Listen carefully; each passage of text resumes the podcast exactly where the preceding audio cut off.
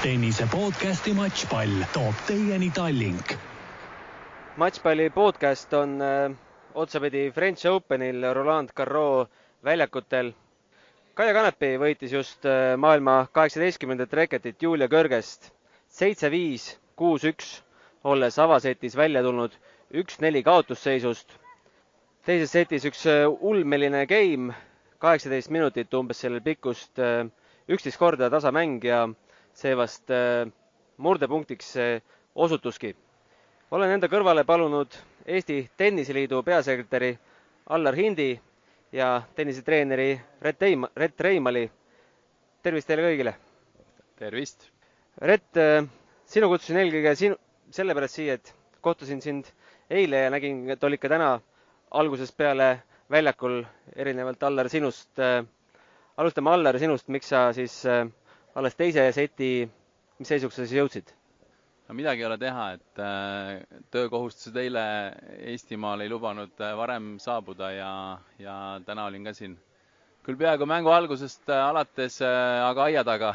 üritasin oma kohvrit ära anda, et sisse saada ja, ja akrediteeringut teha, et et aga, aga jõudsin, ma arvan, õigel ajal ja, ja nägin selle, nägin selle kõige, kõige parema osa ära. kuidas sa mänguseisul seal rongis ja metroos silma peal hoidsid? Vaatasin ja, ja vaatasin ka statistikat, jälgisin, et, et mis nagu, mis nagu mängus toimub, vähemalt nende numbrite põhjal ja ja ma arvan, et tegelikult võib-olla mängijad tegelikult nii-öelda tundsid teineteist ka mingis mõttes ja ja, ja mõlemal oli selline mingis mõttes ka võidu võib-olla kartus või kohustus, et või võidu võimalus, et tundsid, et, et, et on, on siin nii-öelda võimalus, võimalus esimesest ringist edasi saada ja võib-olla natuke selline rabe oli see mäng mõlemalt poolt, et ja lõpp eriti muidugi Kõrgese poolt. Rett, mida sina sellest mängust ootasid, teada oli, et Kaial väga palju võistlusmänge ja väga palju häid võite eriti siin all ei olnud, et tervis ka nii, et vahel lonkab, vahel on hästi, et mida sa üldse sellest mängust ootasid? me siin omavahel arutlesime ka selle mängu võimaliku lõppresultaadi üle ja, ja ausalt öeldes täiesti fifty-fifty oli meie arvamus. meile, meile tundus treeneritega omavahel arutades siin, kes siin Prantsusmaa lahtistele on tulnud, et, et täiesti prognoosimatu meie arvates saab olema see mäng ja ausalt öeldes see mängu käik oli ka selline, et me ju ise nägime, et see oleks võinud ükskõik milliseid pöördeid võtta, see mäng. aga lõpp hea, kõik hea no see mäng algas vastastikuse murdmisega, siis pääses Kõrges veel ühe murdega ette ja läks ka neli-üks ette. sellises seisus sa ise tennisetreenerina tead, mis see, kui kerge on psühholoogiliselt tagasi tulla? no sa mõtled praegu see üks-neli kaotusseisu, jah? no tegelikult ehk no see on nii ja naa, et ühtpidi veidike kõrges aitas kaasa oma kerge närvilisusega seal, et seal seisul tegelikult neli-üks eduseisul ja ka neli-kaks eduseisul, eriti seisul neli-kaks mulle tundus, et ta oli veidikene ebakindel ise ka, et, et kuigi, kuigi Kai alustas veidi rabedalt, siis no kõrgesel oli seal suurepärane võimalus võtta Kaialt võib-olla täielikult mänguisu ära, aga, aga au Kaiale, et ta võitles ennast mängu tagasi ja ja see, mis me lõpus muidugi nägime, noh, seal mingist hetkest alates, mulle tundub, sealt esimese seti lõpust alates eh, sai Kaia ennast nagu, sai väga hästi käima ja, ja, ja enesekindlus oli hoopis teisel tasemel võrreldes mängu algusega. nii et, et, et nagu tõusvas joones, absoluutselt tõusvas joones läks Kaia mäng. selle kohta ütles ka Kaia ise, et alguse, algus oli hea, siis järg-, järgmised paar game'i oli väga rabe tema poolt, aga ta panigi selle väikse võistluskogemuse arvele, et sai mängu sisse, tundis ennast üha paremini. jah, et mis seal nagu torkas silma, et mida rohkem mäng edasi, seda selgem oli Kaia ülekaal tagajoone mängus. et seal võib-olla kõrges püsis mängus, seal eriti esimese seti lõpus ja teise seti alguses püsis suuresti tänu oma agressiivsele servile ja ka suhteliselt õnnestunud teisele servile aga seal juba esimese seti lõpus, teise seti noh, alguses ja keskel üha rohkem ja rohkem tagajoone rallides oli Kaia initsiatiivi ja Kaia oli aktiivsem, Kaia oli stabiilsem. nii et äh, jah, ütleme, ütleme tagajoone mängus oli selge ülekaal teises setis juba. kuidas sulle hetkel Kaia liikumine tundus, kas äh, oli näha, et jalad avaldavad mingit mõju sellele või, või mitte, sest alguses äh, olid ikkagi võrdlemisi lühikesed punktid? no tegelikult äh, ma, ma arvan, et seal ei olnud niivõrd see füüsilise taga ei olnud kinni, et noh, nii nagu Kaia ise ka mainis, ma saan aru, et intervjuus ütles, et mäng, vähene võistluspraktika oli ja teatud ebakindlus võib-olla oli ja, ja aga, aga, aga koheselt seal seti lõpus juba oli näha, et kui ta ennast käima sai, ma ei ütleks, et seal suurt probleemi oli liikumises. ma ei, ma ei näinud seal suurt probleemi, nii et, et pigem see oli niisugune mentaalne moment oli seal mängus, eriti, eriti mängu alguses, noh. Kaia võitis selle seti ära ja hakkas juhtuma siis äh, teise seti kolmandas game'is, äh, maraton game, nagu ma juba ütlesin, kaheksateist minutit. Äh, jõudsid emotsioonid minna üles-alla, seinast seina? eks õigesti ütlesid, et see võis olla väga määrav game, et seal oli tõesti vist, ma ei tea, kas üksteist tasamängu või palju neid oli, et väga-väga pikk game ja elasime seal kõvasti kaasa, kõik Eesti fännid ka, et mm, no no, no kihvt elamus oli, ma ütleks selle kohta, et selliseid game'e on harva ja, ja, ja, ja ja noh, väga, väga, väga, väga kihvt mäng oli tegelikult kokkuvõttes. Küsisin Kaialt ka intervjuu lõpetuseks, et äh, palju sa publikust toetust said, sest äh, Kaia Kaia oli päris palju kuulda äh, ja ütles, et sai väga palju, sest tunneb väga paljusid tribüünil olnud eestlasi isiklikult. Allar, on sul üldse aimu, palju Eesti fänne siin Pariisis on? ma arvan, et äh, igapäevaselt on selline noh, viisteist, kakskümmend inimest kindlasti, kindlasti siin, et kas ta nüüd kõik terve kaks nädalat on, see on, see on omaette, kuid, äh, kuid on neid palju, et äh, täpne number, täpset numbrit ma kindlasti ei oska öelda, kuid nägin isegi mängul nii mõndagi tuttavat ja, ja kes on siin ka järgnevad päevad kohal ja, ja tean, et et neljapäev-reede tuleb veel, tuleb veel inimesi, et eks Prantsusmaa on äh, ja Pariis on omaette, omaette nähtus ka eestlaste jaoks tennise mõttes, et, äh, et, et siin on äh, hea lihtne tulla, kes vähegi jaksab ja viitsib nii-öelda pileteid natukene sebida ja otsida ja, ja tegeleda sellega, siis kergelt ligipääsetav koht, et et ma arvan, et see on täiesti normaalne, et siin Eesti fänne palju on.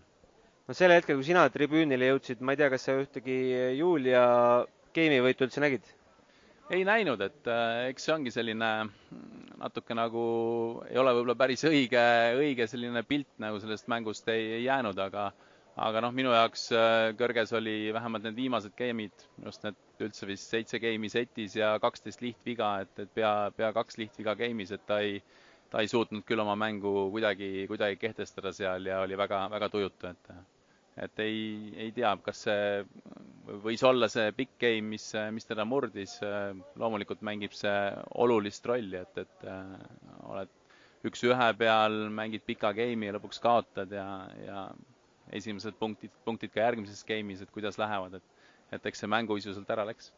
no siin oli väga palju juttu enne mängu ka Körgese terviseprobleemidest, et kaks turniiri siin viimasel ajal äh, on ta jätnud vigastuse tõttu pooleli Stuttgart ja Rooma. esimene sel juhul siis kaelaprobleemi tõttu, mis ulatus ka närvide kaudu siis sõrmedeni, et ta ei saanud mängu jätkata, sest sõrmed olid lukus. Ja siis äh, Roomas pidi äh, reie tagalihase või reielihase probleemi tõttu pooleli jätma. Red, kas sul kordagi käis peast selline mõte ka läbi, et võib-olla see ei olegi ainult vaimne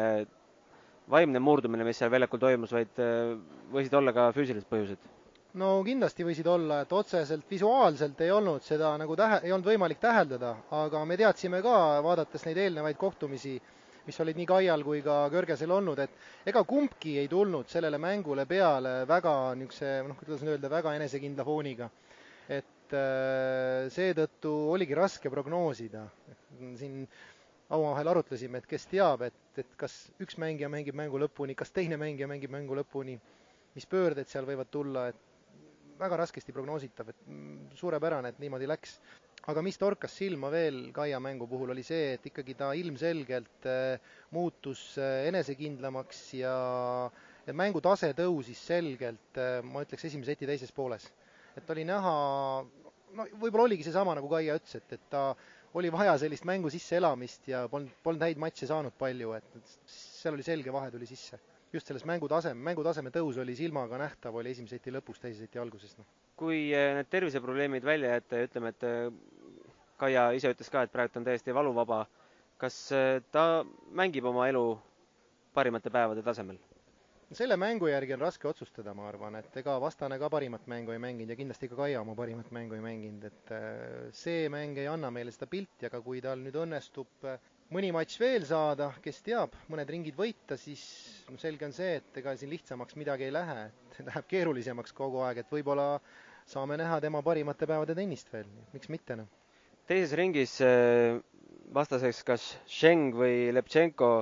vastavalt siis äh, viiekümnendal edetabeli kohal paiknev hiinlanna ja saja kahekümne üheksandal kohal asetsev ameeriklanna. enne selle salvestuse algust äh, hiinlanna juhtis esimest seti kindlalt viis-null. noh, sellise seisu pealt tundub küll hetkel, et kisub see ühte sadamasse. Ilmselt kui kuulajad seda podcast'i kuulavad, siis on ka Kaia järgmine vastane teada no need vastased, äh, Allar, äh, mis mõtteid tekitavad, äh, on Kaiale jõukohased? no kindlasti on jõukohased, et ma ei tea, kas nad omavahel mänginud on või ei ole, aga Lepšenkoga on ta kindlasti mänginud ja, ja minu mälu järgi viimane kord võitnud, aga, aga Hiina mängija, ma arvan, kõik tegelikkuses suht-koht jällegi uus päev, uus mäng, väga viiskümmend, viiskümmend võrdsest, võrdsete heitlus tuleb seal väljaku peal Äh, eks siin tulebki, tulebki nüüd äh, minu jaoks täna Kaia lõpetas selle mängu väga positiivselt ja, ja suure sellise energiaga ja, ja ta tahtis võita, ma arvan, rohkem kui, kui kõrges, mis iganes probleemid kõrgesel olid. Ja, ja see annab ka, see annab ka järgmiseks mänguks, ma arvan, sellise hea, hea tunde, et, et, et ta läheb sinna nii-öelda tervise mõttes hea tundega mängima, füüsiliselt tunneb ennast hästi ja eks see mängupraktika on, nagu ta ise ütleb ka, et, et võib-olla selline küsitav, et kas nüüd selle ühe mängu pealt tuleb see tagasi, ei tule tagasi, mingisugune hea tunne. Aga, aga eks see on, see on Grand Slam, see on teine ring, mängijad suht võrdsed kõik, nii et kõike võib juhtuda, et raske on, raske on midagi ennustada, et mis, mis ja kuidas, aga aga kaks setti on vaja võita ja, ja ma loodan, et Kaia teeb seda. Sheng või Levtšenko palju sa, Rett, oled nende mänge üldse juhtunud nägema? Äh, no kui ma nüüd äh, õigesti mäletan, Shuai, Shuai Sang oli ta vist või? Jah, peaks olema küll, jah. vist oli, jah. Et äh, nüüd sassi ei aja, sest neid, neid on päris palju, sellenimelisi mängijaid. et minu teada on raske vastane, et äh, kui, kui nüüd Seng peaks võitma, siis midagi lihtsalt sealt ei tule. mis Kaia kasuks räägib, on see, et see Grand Slami formaat peaks talle justkui sobima et ta ei pea järjest iga päev mängima, et ta saab äh, taastuda, võib-olla tal isegi pikemaid mänge siin, kolmesetilisi, aga kui tal on päev vahet või isegi mingitel juhtudel võib ka kaks päeva vahet olla, siis see peaks sobima, nii et äh, kogu küsimus on mängutunnetuse nii-öelda tagasisaamises ja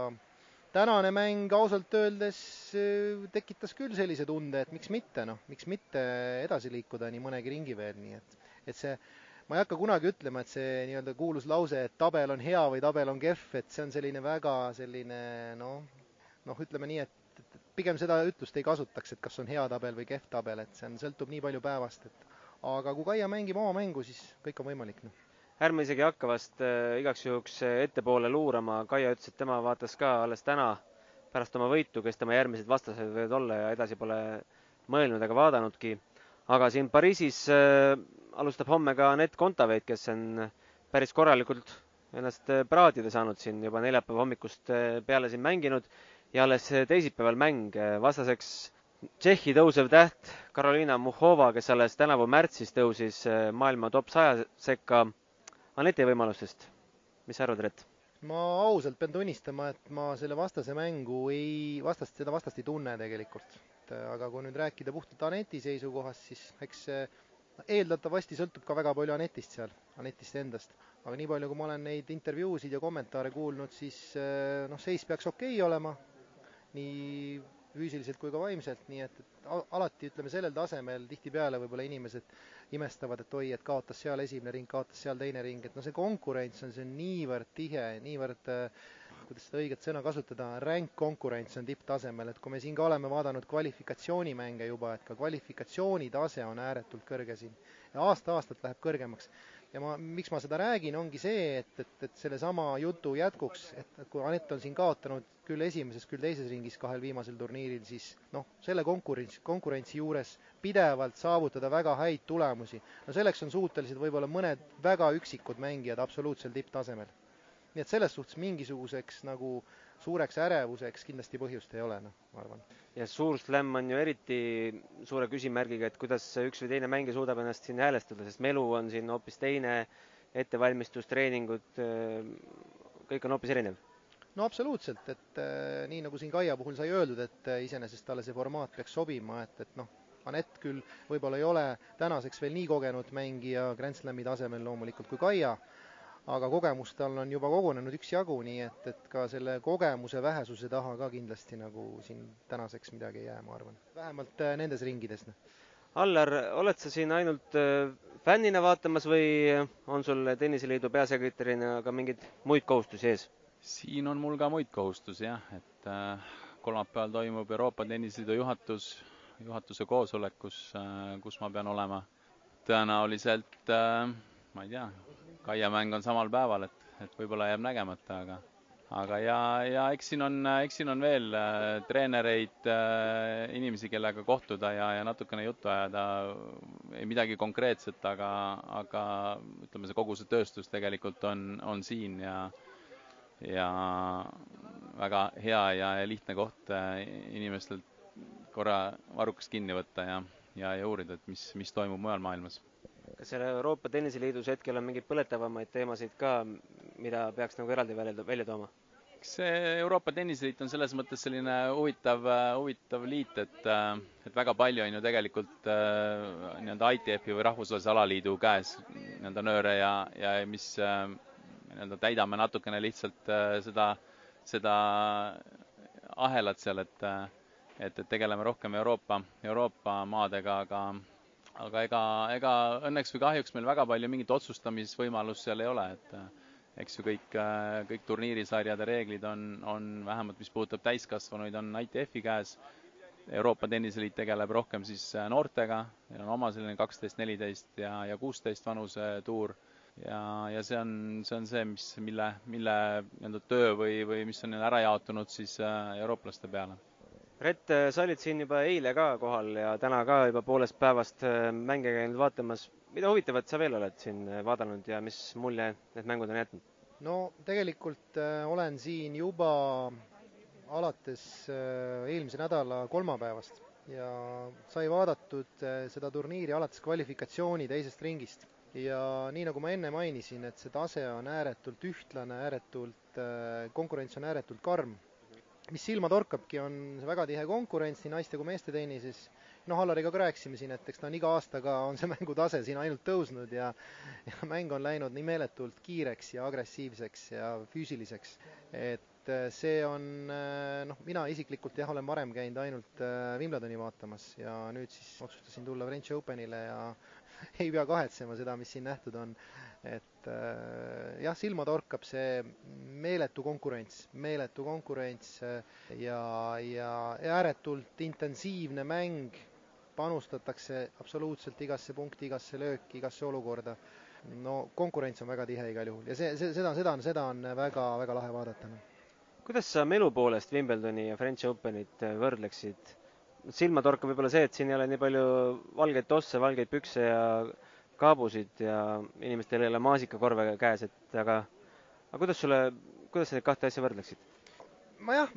ütleme nii, et see Wim-, Wimbledonis sai käidud juba praktiliselt vist üle kümne aasta tagasi, aga, aga nii palju ma mäletan jah, et võrreldes Wimbledoniga, mis siin, siin jah, torkab silma see, et ka siin on võib-olla see jah, see võistlus on surutud natuke väiksema maa-ala peale ja meeletud massid on koos väikse maa-ala peal, et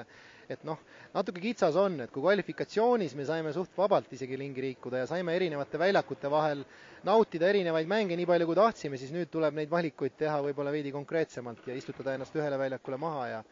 ja vaadata siis ühte mängu pikemalt, mis, mis, mis on ka väga hea ja võib-olla, võib-olla ongi parem ühtpidi, aga aga teistpidi on tõesti, on meeletud massid liiguvad ja ja samas meil on ilmaga vedanud siin sel aastal, et eh, kõik need päevad praegu pole praktiliselt mänge kordagi katkestatud. tuh-tuh-tuh peab nagu sülitama selja taha, et, et siin väidetavalt lubas nüüd veidike kehvemat ilma järgmistel päevadel. aga, aga väga lahe, väga lahe kogemus, absoluutselt kõikidele tennisehuvilistele, treeneritele, mängijatele, kõigile soovitan noh, kas vähemalt kord elus, aga miks mitte ka rohkem kordi külastada French Openi turniiri sest see on ikkagi liivatennise meka. see on ikkagi iga, iga tipptennisisti, iga tennisisti unistus, kui ta tahab liival edu saavutada, siis just nimelt siin Roland Garrosil, nii et et absoluutselt kõigil soovitan siia tulla, et väga-väga-väga lahe kogemus. Noh. ma isiklikult olen ka esimest korda French Openil, olen, vaid kaks korda saanud käia Wimbledonis. pean tunnistama, et esimesel päeval, kui ma siia jõudsin, laupäeval, see oli see lastepäev, ma kõige suuremas vaimustuses sellest areenist ja nendest väljakutest siin ei olnud. tundus selline hästi palju betooni mulle ja noh, eks mul oli niisugune väike reisiväsimus ja ärevus ka sees, aga teisel päeval juba läks kuidagi lahedamaks, elastasin sisse ja see esimene väljak jättis küll väga hea mulje. laste, lastepäeval vaatasin Federeri treeningut, täis maja, kümme tuhat pealtvaatajat, see suuruselt teine väljak, Susanne Lenglen, eks, et melu on vägev, loomulikult Allar on sul oma lemmik slam, sa oled vist äh, kõikide, kõik need läbi käinud, eks? jah, ma olen kõik läbi käinud, aga ma pean ütlema, et äh, kõik on omaette nähtused, et nad on, äh, nad on nii palju erinevad, et, et nagu, nagu Rett ütles, kõik selle väikese maa-ala peal siin Pariisis või Roland Garros'l inimesed vuravad läbi, jalutada väga ei saa ja ega ei taha ka ja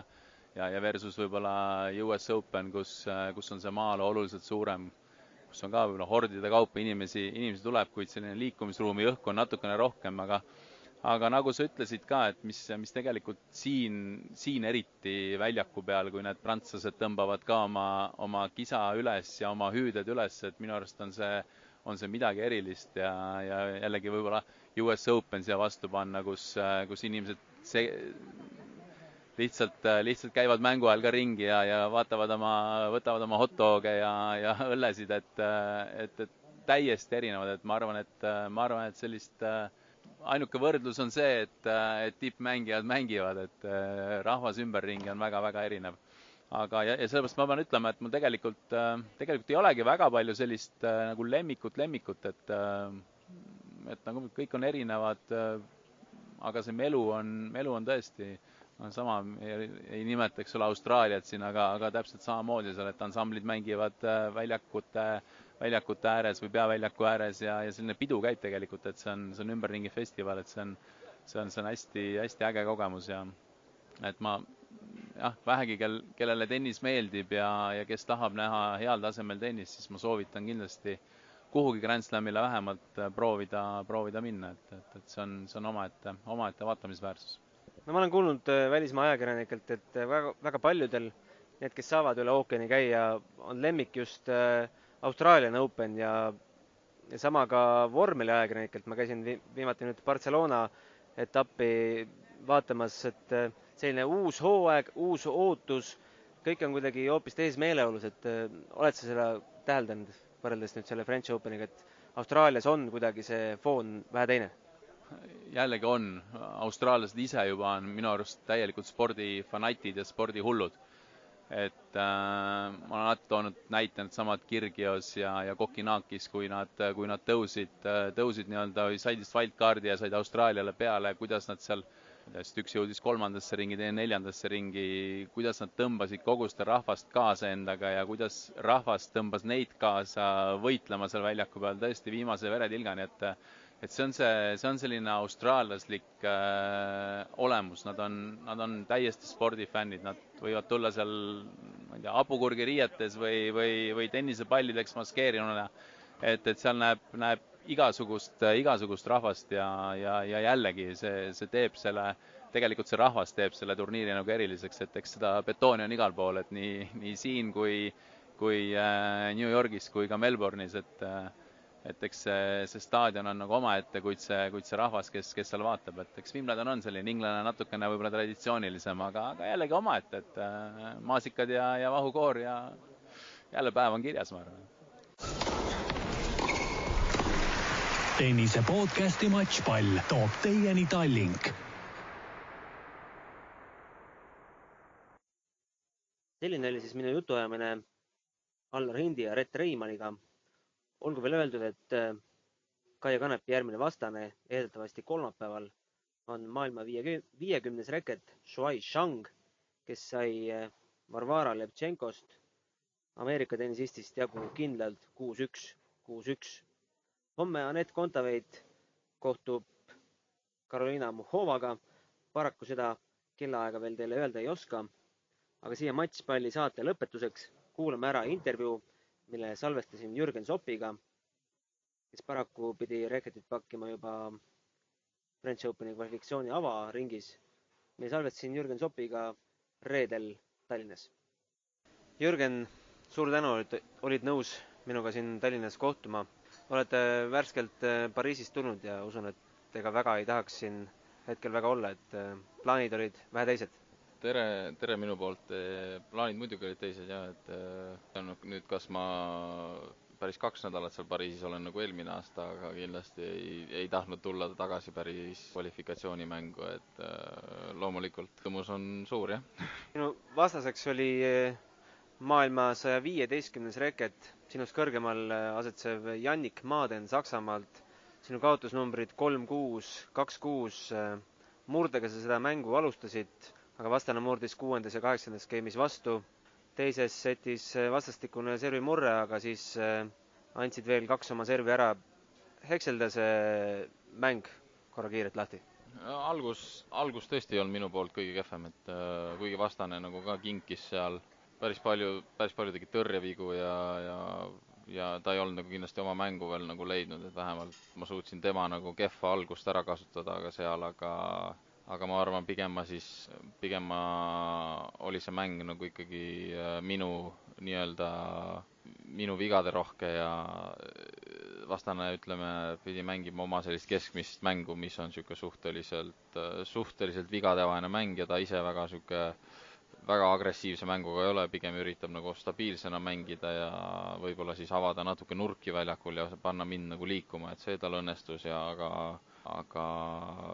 see, kui ta oleks mind, noh, niisuguseid ülemängimisi oli seal suhteliselt vähe, et pigem olid minu sellised, minu praakmäng oli nagu see, et mis, mille pärast lõpus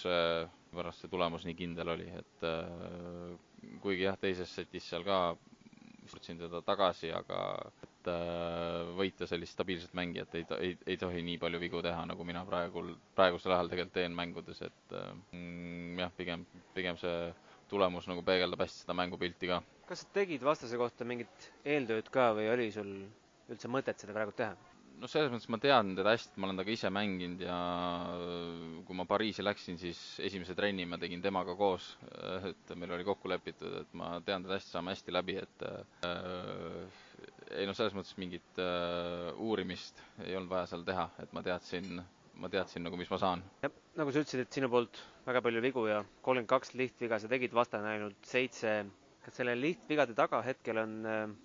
on midagi vaimset? Äh, ma arvan, äh, tennis on nagu nii kompleksne spordiala, et kui, kui miski seal nagu logiseb, siis, äh, siis lõpuks jah, mis väljakul juhtub, on, on vigaderohke mäng, et kindlasti minu, minu mingi äh, vigade põhjused ei ole, ma arvan, praegu tehnilised ega, ega füüsilised, et lihtsalt äh, noh, kuna viimased kaheksa-üheksa kuud on olnud tõesti väga keerulised mängu poolest ja ja noh, treeneriga otsustasin koostöö lõpetada ja ütleme, lihtsalt lisaks veel selline päris suur vaimne väsimus, mis mind päris pikalt juba vaevab, et ja sellelt tulenevalt on nii-öelda kaotusi palju ja see, kuna, kui kaotusi on palju, siis on ka noh, või mängude, mängitud mängude arv on väike et see on niisugune halb lumepalliefekt, mis läheb nagu, mis äh, läheb nagu käima ja mis, mis väljendub lõpus sellises ütleme, praagis mängus, et praegult jah, selline, selline see olukord on. vasturohtu sa sellele nii-öelda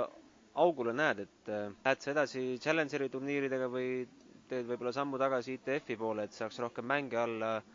mis su hetkel selline rohi, mis sa peas oled valmis mõelnud, mis, mis see oleks? eks äh, minu ranking äh,, niikaua kui mul ikkagi võimaldab mängida challenger'e, siis ma neid mängin, et äh, et nüüd mul lähevad äh, Pariisi punktid maha, kukun kõvasti ja siis äh,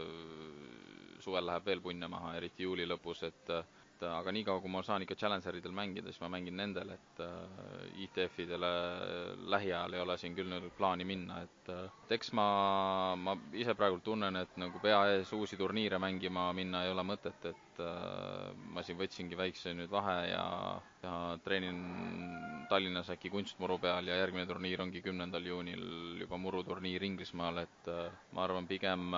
või, võiks nagu kasuks tulla nagu väike, väike vahe ja siis vaja teha nagu head trenni. et ega siin nagu imerohtu ei ole, üks nagu mingi hetk võiks natuke võib-olla, võib-olla õnne olla või, või et kuidagi saaks nagu selle koha pealt nagu minema, et siis kuidagi oleks vaja saada see mängude arv nagu üles, siin niisugust ime, imerohtu ei ole. sellele eelneval turniiril Pragas jõudsid teise ringi, kus prantslasele pidid alla vanduma kaks, kuus, neli, kuus, aga esimene ring võitsid jällegi kolmes setis, et äh, sa ütled, et mänge on vaja alla saada, aga ühe, päris ühe võidu pealt see enesekindlus vast ka ei teki või? ei teki jah, pigem oleks vaja siin saada mõni nädal kolm-neli mängu ja siis, äh, ja siis järgmine nädal uuesti kolm-neli mängu, et niisugune mingi üks-kaks mängu siin nagu imet ei tee, et äh, aga ma räägin, et kõige parem hetkel olen ma olnud natukene sellises, päris suurt vaimset nagu väsimust ja vaja nagu äh, üles leida nagu see, natuke seda mängurõõmu ja treenimise rõõmu, et see et ma olen tiirelnud juba, ma ei tea, üle kümne aasta nendel turniiridel ja see kõik nagu kulutab, mis jääb võib-olla natuke nagu märkamatuks nagu kõrvaltvaatajale, et tihti, tihti nähaksegi, et oh, et miks, miks ta nii palju vigu teeb või miks, miks ta on selline ja miks ta on ükskõik milline, et, et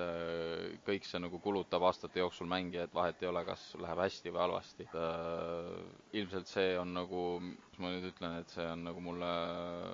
ma hakkan suuremat mõju avaldama ja, ja kahjuks ei ole nagu selline, selline probleem, mida nagu oleks väga lihtne nagu parandada, et davai, ma võtan nüüd nädal aega puhkust ja siis on kõik jälle hästi, et äh, ma võib-olla natuke triivisin kõrvale nüüd küsimust, ma isegi ei mäleta, mis sa küsisid, aga, aga jah, selline, nii on praegult. selliseid momente, selliseid vaimseid väikseid langusi mäletad sa oma karjäärist veel või see on sinu jaoks? ei, ma ikka nagu äh,, ikka nagu mäletan, et äh, eks need, eks see ongi aidanud äh, tihti üle see, et kui äh,, kui sa nagu reisid, teed trenni ja nagu nii-öelda elad seda elu, siis äh, sul on ikkagi mingi aja tagant vaja saada mingit positiivset emotsiooni mingi hea tulemuse näol. Üks viimaseid raskeid hetki oli enne, kui ma hakkasin koostööd tegema Kim Tiilikaineniga paar aastat tagasi, et siis olin ma ka sarnases seisus, ma isegi nagu ko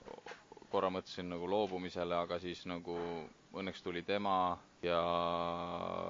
õnneks tuli tema ja siis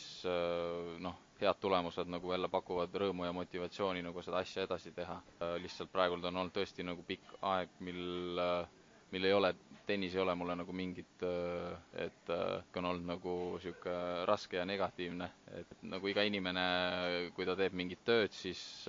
et ta suudaks jätkata, peab, peab ikkagi mingi positiivne tagasiside tulema, et mul nagu on ainuke tagasiside, mida ma saan mängude näol, on see, et ma olen teinud oma tööd nagu kehvasti. ma arvan, ühelegi inimesele ei meeldiks päevast päeva käia nii tööl, et ta saab teada, et ta, et ta, ta nagu ei tee oma, ei tee oma tööd hästi. eks nii ta on praegult, et selliseid mu karjäär on olnud juba praeguseks päris pikk, et selliseid äh, üles-alla kõikumisi, suuremaid, väiksemaid äh, on, on olnud kindlasti, et nagu selles mõttes see ei ole mul praegu mingi uus tundmatu, tundmatu ala, kus ma viibin. Rankingu järgi, kui kaua sa neid challenger'e saad mängida, sest äh, siin tuleb juulis üks päris, päris tugevad punktid, mis sul on vaja kaitsta, staadi poolfinaali punktid, et, et halvemal juhul võid ju isegi top kolmesajast välja langeda, et palju seda, palju sinna challenger'i lastakse? eks nad on kuskil kolmesaja ringis, et mingid on seal kolmsada viiskümmend ja mõni on võib-olla kakssada kaheksakümmend need Challengeri cut-off'id, et äh, aga see kõik on nagu, ma tean, et kui, kui mul on nagu kõik okei okay ja ma mängin oma taset välja, siis vähemalt nendel Challengeridel ma jään nagu püsima. sealt nagu peaks ära langema, siis see ei ole mingi suur katastroof, et ma räägingi, põhiasi on see vaja see säde ja minek jälle üles leida, et vahet, kui ma isegi peaksin kukkuma neljasajandaks või viiesajandaks, et ma nagu nii palju sellepärast ei, ei muretse, et kas, et kukun kolmesaja seest välja või kuku, et minu eesmärk on alati olnud olla kõrgemal kui kolm-nelisada või, või kakssada viiskümmend, minu jaoks väga suurt vahet nagu ei ole. mis need lähiaja treeningplaanid on, sa ütlesid, et kunstmurul hakkate treenima, oled sa paika pannud, kellega, kus lähed sa üle lahe Soome ka korraks? Ei ole nagu selles mõttes paika pannud, et äh, noh, natuke ongi mul nagu konkreetset treenerit praegu nagu ei ole, et äh, nagu natuke vaatan, kus saan, on ju, et äh, selles mõttes mul ei ole, eks ma, eks variandid ongi, kas ma teen, teen siin Tallinnas äkki kunstmurul seal Rocca al Mares või Helsingi poole või need mu variandid praegu on, jah. sinuga Pariisis oli keegi kaasas? jaa, mul oli kaasas äh, nii-öelda sõber, kaldkriips treener Veger Leskimägi, kes nagu, kellega meil on olnud äh,, oli kokkulepe, et aitab mind veebruarist kuni äh, maikuu lõpuni, et siis isa oli ka kaasas, kaks tuhat kolmteist minuga kaasas ja siis kahju, kahjuks jäid äh, reis lühikeseks, et võib-olla järgmine kord läheb pikemalt. maikuu on, kuu on nüüd läbi, et äh, Vegerdiga olete mõelnud jätkamise osas ka midagi? Äh, ei, selles mõttes meil oligi esialgu kokkulepe maikuu lõpuni ja sellest me nagu peame kinni, et praegult ma olen, äh, edasi jätkan praegult. Äh, ma olen kuulnud, et Vegerd on ka päris palju täiendanud endast äh, tennisealal, et on tal mõtet, plaani selle treeneritööga jätkata mm,? ta täpselt ei tea, ütleme seda peab Vege, Vegerdi käest ise küsima, aga loomulikult see oli talle kindlasti nagu hea kogemus ja kindlasti mina näen, et tal on nagu silm on treeneri peal ja ta on, ta eelmine suvi tegeles äh, laagris äh, poiste, poistegrupiga suvel ja äh, jah, eks nagu edasi minna, et ta, ta tunneb ka väga suurt huvi selle padeltennise vastu. mina, ma väga loodan, et ta jääb tennise või spordi juurde kindlasti edasi, jah treeneri mõttes on sul plaanis otsida, vaatad sa ringi selle silmaga, et eh, kes võiks sind eh, hetkel aidata mm,? eks ma ikka nagu hoian silmad-kõrvad lahti, aga praegu ma kellegiga nagu läbirääkimistes ei ole, et äh, ma tunnen, et mul hetkel see asi ei ole nagu treeneri taga, et pigem on nagu enda taga see asi. et ma arvan, et kui ma hakkaksin siit äh, otsima praegult Euroopast endale mingit kallist treenerit, äh, siis äh, ma võib-olla üritaksin seda asja parandada natuke võib-olla võib-olla nagu valest otsast, et ma ei hetkel võtta peale endale mingeid meeletult suuri finantskohustusi, kui ma ise olen natuke selline, ütleme, poolpidune või niimoodi, et äh, pigem ma üritan enne leida endas sellise jälle värskuse üles ja, ja siis vaadata võib-olla selle poole, et äh, ei, ei ole praegult, ütleme, mingit kellegiga läbirääkimistes või niimoodi, et võib-olla ma palun kedagi endale appi jälle äh, kes saab minuga nagu reisid kaasa teha, aga, aga hetkel nagu treeneri otsing hetkel nagu aktiivne pole. füüsis on äh, korras, et füüsilise taha midagi jäänud ei ole? ei ole jah, selles mõttes äh, mängukoormus on olnud ka suhteliselt väike, aga selles mõttes seal Pariisis olid, kuidas äh, väljakult hetkel üldse välja näevad, on midagi muutunud ka võrreldes eelmise aastaga? jaa, seal ikka iga aasta midagi tehakse, et seal on äh, mingeid väljakuid, on kas tribüüne suurendatud, mis äh, peaväljaku võeti maha ja, ja tehti vist natukene suuremaks ja mingeid muudatusi on seal nagu iga aasta tehtud, et äh, noh, väljakud on seal maailma parimad liivaväljakud selles mõttes. Äh, kindlasti mu üks lemmikkohti, kus tennist mängida maailmas, on, on Prantsusmaa lahtised, et ma arvan, äh, liiv sobib mulle ka, ma arvan, kõige paremini katetes. mõttes jah, kuidagi kokkuvõttes ikkagi nagu alati tunnen suhteliselt hästi seal nendel väljakutel, et aga kõik tunnevad, ma tunnen, et kui on head tingimused, siis paljud mängivad hästi. ja ei, selles mõttes see on, äh, see on kindlasti väga, väga eriline koht minu jaoks. aga Jürgen, ma tänan sind ja ma usun, et sa saad sellest äh, august, äh, väiksest august ikkagi välja, et käed-jalad on seal otsas, nagu ütlesid, et füüsis on korras, et ainult tuleb seal peas väike nõks ära teha, eks? jaa, ega mul selles mõttes äh, hetkel mingeid allaandmise mõtteid ei ole, et ma ikkagi pusin selle nimel, et et ikka veel mitu aastat mängida, et ükskõik, mis otsuseid ma pean vastu tegema, ma kindlasti, kindlasti veel äh, täielikult äh, lõpetamas ei ole, et äh, ma, ma, ma kindlasti, kindlasti alla ei anna, jah. tennise podcasti Matšpall toob teieni Tallink